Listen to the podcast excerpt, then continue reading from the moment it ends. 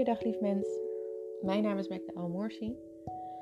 Ik ben het gezicht achter, de stem van en de oprichter van Mind Your Souls Praktijk voor Bewustzijn. Welkom, welkom bij mijn allereerste podcast. Ik wilde het vandaag met jullie hebben over shadow work. Over wat shadow work nou precies is, waar het vandaan komt en wat we ermee kunnen. En het woord shadow work zegt het eigenlijk al, hè? Het is het werken aan je schaduw. Maar wat wordt daar nou precies mee bedoeld en wat is nou je schaduw? Onze schaduw is de kant van onszelf die wij in het donker plaatsen. Dus letterlijk in de schaduw neerzetten. Het is de kant van een mens die de meeste mensen het liefst niet onder ogen komt. Het is die kant van onszelf die we liever niet in het licht zetten of aandacht geven. Omdat deze kant vol met emoties zitten waar we niets mee kunnen. Of althans geleerd hebben om niets mee te kunnen. Het zijn gevoelens en emoties of gedachten die als niet prettig worden ervaren. En daarom stoppen we het het liefst weg. Kan je denken aan boosheid, aan jaloezie, angst, verdriet. Het zijn allerlei emoties die we liever als mens zijnde niet, uh, waar we niet de eerste keuze voor maken om die te ervaren. Maar we dragen het wel met ons mee. We dragen het met ons mee in een soort van onzichtbare zak. En het rondslepen van deze onzichtbare zak vol met gedachten, emoties en gevoelens is bijzonder vermoeiend. Het is vermoeiend om voortdurend alle delen van onszelf uh, eigenlijk te onderdrukken. Die we niet in onze volwassenheid willen hebben. En dat we het dan maar wegstoppen onder het mom van als ik het wegstop bestaat het niet. Maar het wordt wel opgeslagen. Het wordt opgeslagen in onze schaduw. En de schaduwkant is de kant van ons onderbewustzijn, van ons innerlijk kind, die zo nu en dan toch nog even naar buiten komt. De schaduwkant is eigenlijk die onzichtbare onderstroom, die een wezenlijk grote invloed heeft op je handelen, je functioneren en je welzijn. In zowel je persoonlijk leven als in en op maatschappelijk gebied. En onze schaduwkant is ontstaan in onze jongere jaren, waar het begon. En heeft zich onbewust genesteld aan en in ons zijn. Wanneer we namelijk als kind worden geboren, zijn wij sociaal en emotioneel afhankelijk van ons gezin. Uh, van onze moeder, van onze vader en van onze eventuele broers of zussen. We leren binnen het gezin sociale structuren kennen en wat deze zijn. Hoe we hier op moeten reageren en hoe we deze kunnen inzetten om te kunnen overleven in de wereld. En we creëren vanuit deze wisselwerkingen eigenlijk een vorm van hoe wij onszelf positioneren uh, binnen dit sociale systeem. En we nemen dit eigenlijk helemaal mee naar hoe wij dit positioneren in de wereld. Dus dit heeft eigenlijk te maken met hoe wij uh, vanuit de basis geworteld zijn. Hoe hebben wij geleerd om op aarde te staan? Is het veilig genoeg? Kunnen wij vertrouwen op de mensen om ons heen? We creëren van deze, vanuit deze wisselwerkingen binnen het gezin een, een, een manier van contact leggen, een manier van kunnen vertrouwen op de ander. Kan ik mijn pijn uiten en wordt daar respons op gegeven? Kan ik verdrietig zijn zonder dat ik uh, eigenlijk gelijk moet lachen? En we zien het eigenlijk al bij, bij, uh, bij jongetjes. Hè? Op het moment dat ze dan vallen, wat we heel vaak doen, uh, is dan: kom op jongen, hup opstaan, het gaat wel weer met de grote jongen. En eigenlijk gelijk zijn emoties van pijn of verdriet willen onderdrukken, omdat het, we zijn het gewend in de maatschappij. Wat voor een man bijvoorbeeld heel erg kan betekenen dat hij zijn bagage in die zak heeft zitten en maar onzichtbare pijn en onzichtbare verdriet met zich meesleept, terwijl wij ervan overtuigd zijn dat het niet bestaat. En vervolgens creëren wij daarvan ook een zelfbeeld. En hoe wij dit zelf in de wereld neerzetten en wat anderen van ons zien en wie wij zijn. Als we bijvoorbeeld niet hebben geleerd om, om dat we, dat, dat, om het pijn te kunnen uiten, maar dat we altijd maar sterk moeten zijn, dan zit daar een bepaalde laag omheen. Dan is het een beeld die je zelf creëert naar buiten en die je dan neerzet uit het mond van ik ben sterk en kijk eens, ik ben sterk omdat ik niet help. Of ik ben sterk omdat het me allemaal niet kan schelen. En dat zijn eigenlijk allemaal overlevingsmechanismen geweest die wij hebben opgebouwd om binnen onze sociale en emotionele structuren te kunnen overleven. En als kind maken we dus allerlei gebeurtenissen mee, waarop wij dan een feitelijke ervaring waarnemen. En vervolgens ontstaat hier dus een emotie uit, en een gedachte en een handeling. Zo heb ik een, een uh, toevallig gisteren klein voorbeeld uh, thuis zelf gezien bij mijn dochter. Ik heb een dochter van 14 maanden en uh, ze is vol op de wereld aan het ontdekken. En ik ben ook vol op mijn rol als moeder aan het ontdekken. En het is, het is voor mij heel bijzonder om te zien hoe, hoe in kleine contactmomenten een respons kan worden gegeven. En hoe in kleine contactmomenten al een emotie kan worden opgeslagen in. We lagen gisteren in, uh, in bed. En uh, mijn partner heeft een zoontje van, van zes. Dus nou, we lagen met z'n vieren in bed.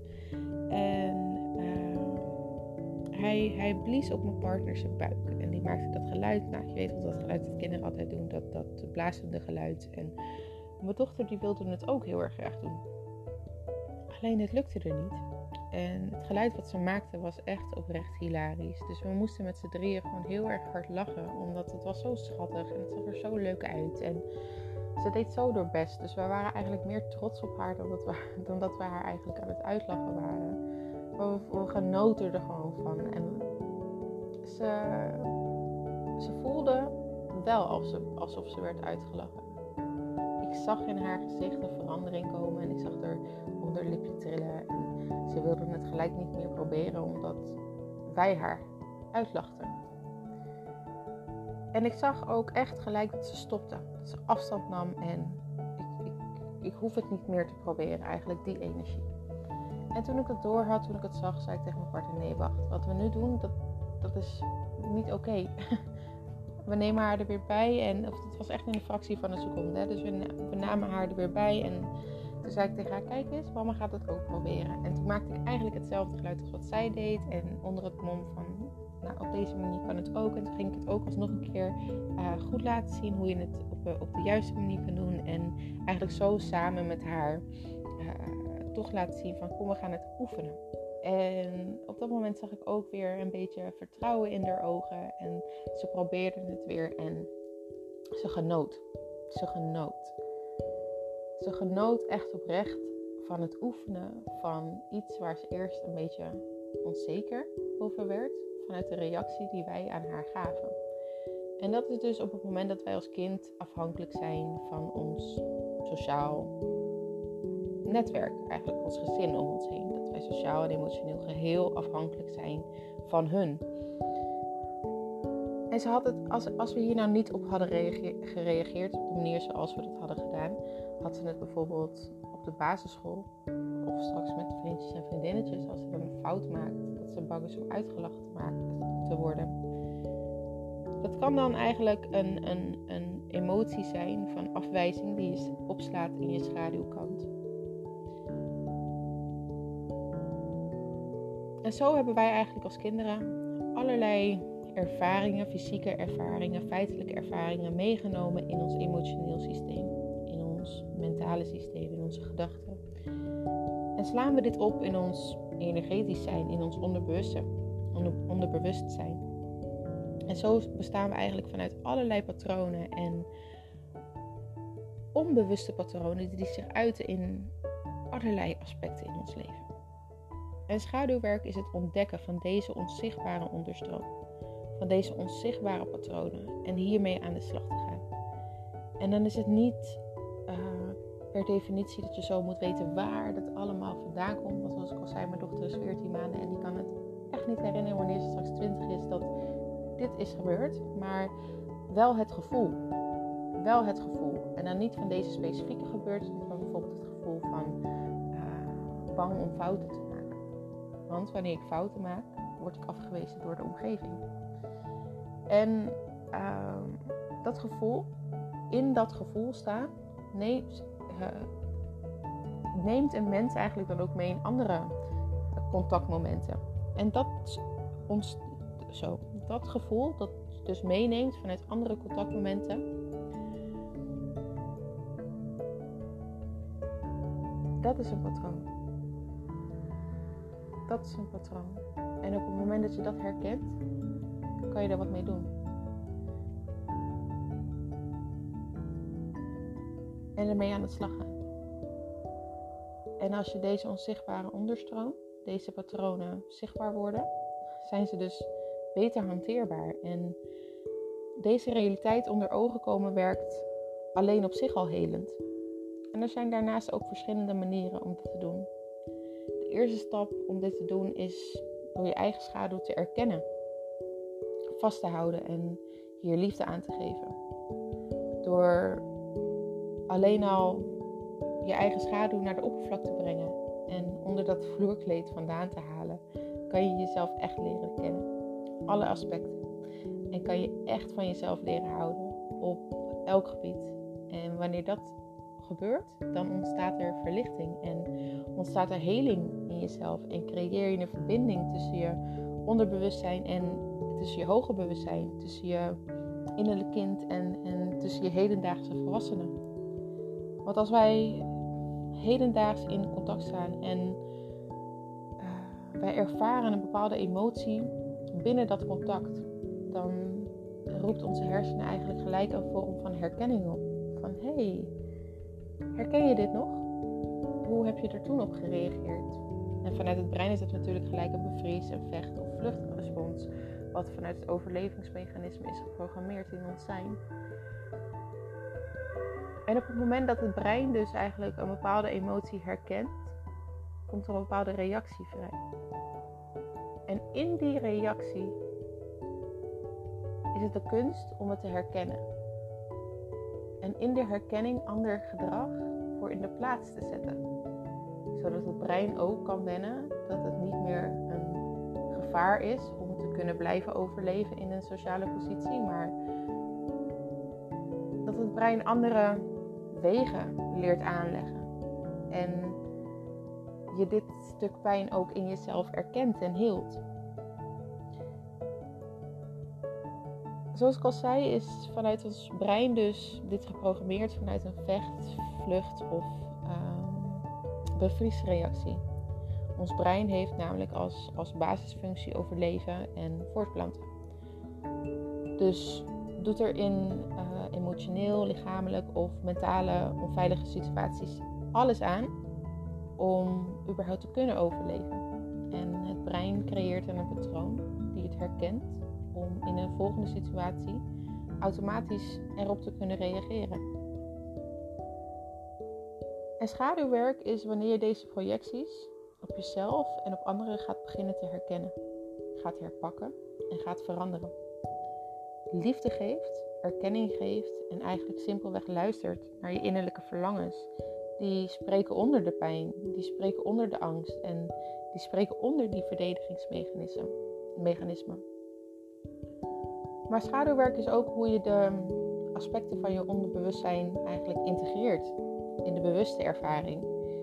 En de positieve aspecten van de schaduw tot, tot uitdrukking kan, kan laten komen. Op het moment dat het contact met een ander, dat je daar bijvoorbeeld heel erg verlegen van wordt. Wat zit daar dan achter? Of dat je er uh, juist heel erg enthousiast van wordt. Wat zit daar dan achter? Wat het gevoel opwerkt. Welke verlangen zit er achter? achter?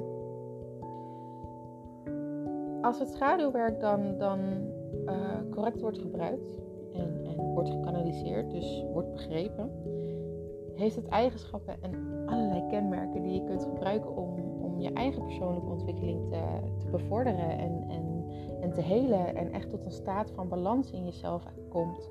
Dus echt het stuk je hoofd kunnen connecten, je, je, connect, eh, zo, je gedachten kunnen connecten met je gevoel. En dat balanceren in de wisselwerking die je legt met andere mensen. En schaduwwerk is niet makkelijk. Echt oprecht niet. En ik ben mezelf ook nog steeds dagelijks aan het ontdekken. En ik heb ook van die aha-momenten nodig om uh, tot realisatie te kunnen komen. Maar totdat je je eigen schaduw bezit, zal jouw schaduw jou bezitten. Dus totdat je bewustzijn brengt naar het onderbewuste, zal je vanuit het onderbewustzijn blijven leven en heb je er eigenlijk helemaal geen controle op. En wanneer is het nou beter om aan die reis van zelfbewustzijn en vrijheid te beginnen dan nu? En wanneer je je schaduw integreert en in, het balans, en in balans komt met je schaduwhelft, zie je jezelf ook niet meer als twee helften, maar je ziet jezelf duidelijker. Je ziet hoe geheel je bent. Je leert jezelf beter kennen. Je raakt meer geaard, meer menselijker en heel compleet. En als je je eigen schaduw kunt accepteren, is het ook gemakkelijker om de schaduw in andere mensen te accepteren. Om de schaduw in andere mensen te kunnen herkennen en te kunnen zien. En als gevolg hiervan zal het gedrag van andere mensen je niet zo makkelijk kunnen triggeren om vanuit een bepaalde positie respons te geven. En je kunt dan ook makkelijker communiceren met anderen. En mogelijk merk je dan ook een verbetering, bijvoorbeeld in, in je relaties met je partner, met familieleden of uh, met je vrienden, vriendinnen. En, en zelfs binnen zaken, zakenrelaties met zakenpartners kan je dan ook beter zien en leren communiceren. Door eigenlijk anderen en jezelf te zien zoals je echt bent, zowel met het licht als met schaduw, heb je een schonere lens waarmee je de wereld kan bekijken. En terwijl je je schaduw dan aan het integreren bent, benader dan ook je authentieke zelf. Als je een meer realistische beoordeling geeft van, van wie je nu bent. Van waar je reactie of waar je gedachten vandaan komen tijdens het integratieproces. Dat schept zelfbewustzijn. En wanneer je die zelfbewustzijn integreert, kan je je omgeving ook nauwkeuriger beoordelen. En keuzes maken. Je zult anderen zien en situaties ervaren met meer duidelijkheid, met meer medeleven, met meer begrip, waardoor er ook een grotere vorm van innerlijke rust wordt gecreëerd. En hoe kan je nou zelf aan je, aan je schaduwkant werken? Door er simpelweg naast te gaan zitten. met compassie en met een luisterend oor naar jezelf luisteren. Naar wat de gekwetste kant die je nodig heeft om gehoord te worden. Of om zich gezien te voelen. Of om zich geliefd te voelen. Dus door het hoge bewustzijn met het onderbewustzijn te laten communiceren. En vanuit die communicatie verbinding leggen met een ander. Ik hoop dat ik jullie hier mee wat informatie heb mogen geven over shadow work. Het is een prachtig proces en ook eindeloos. Daarvoor zijn we allemaal hier op aarde met z'n allen en mogen we dit ook met z'n allen doen. Het is mooi, het is hard werken, maar het is prachtig. Dank jullie wel voor het luisteren.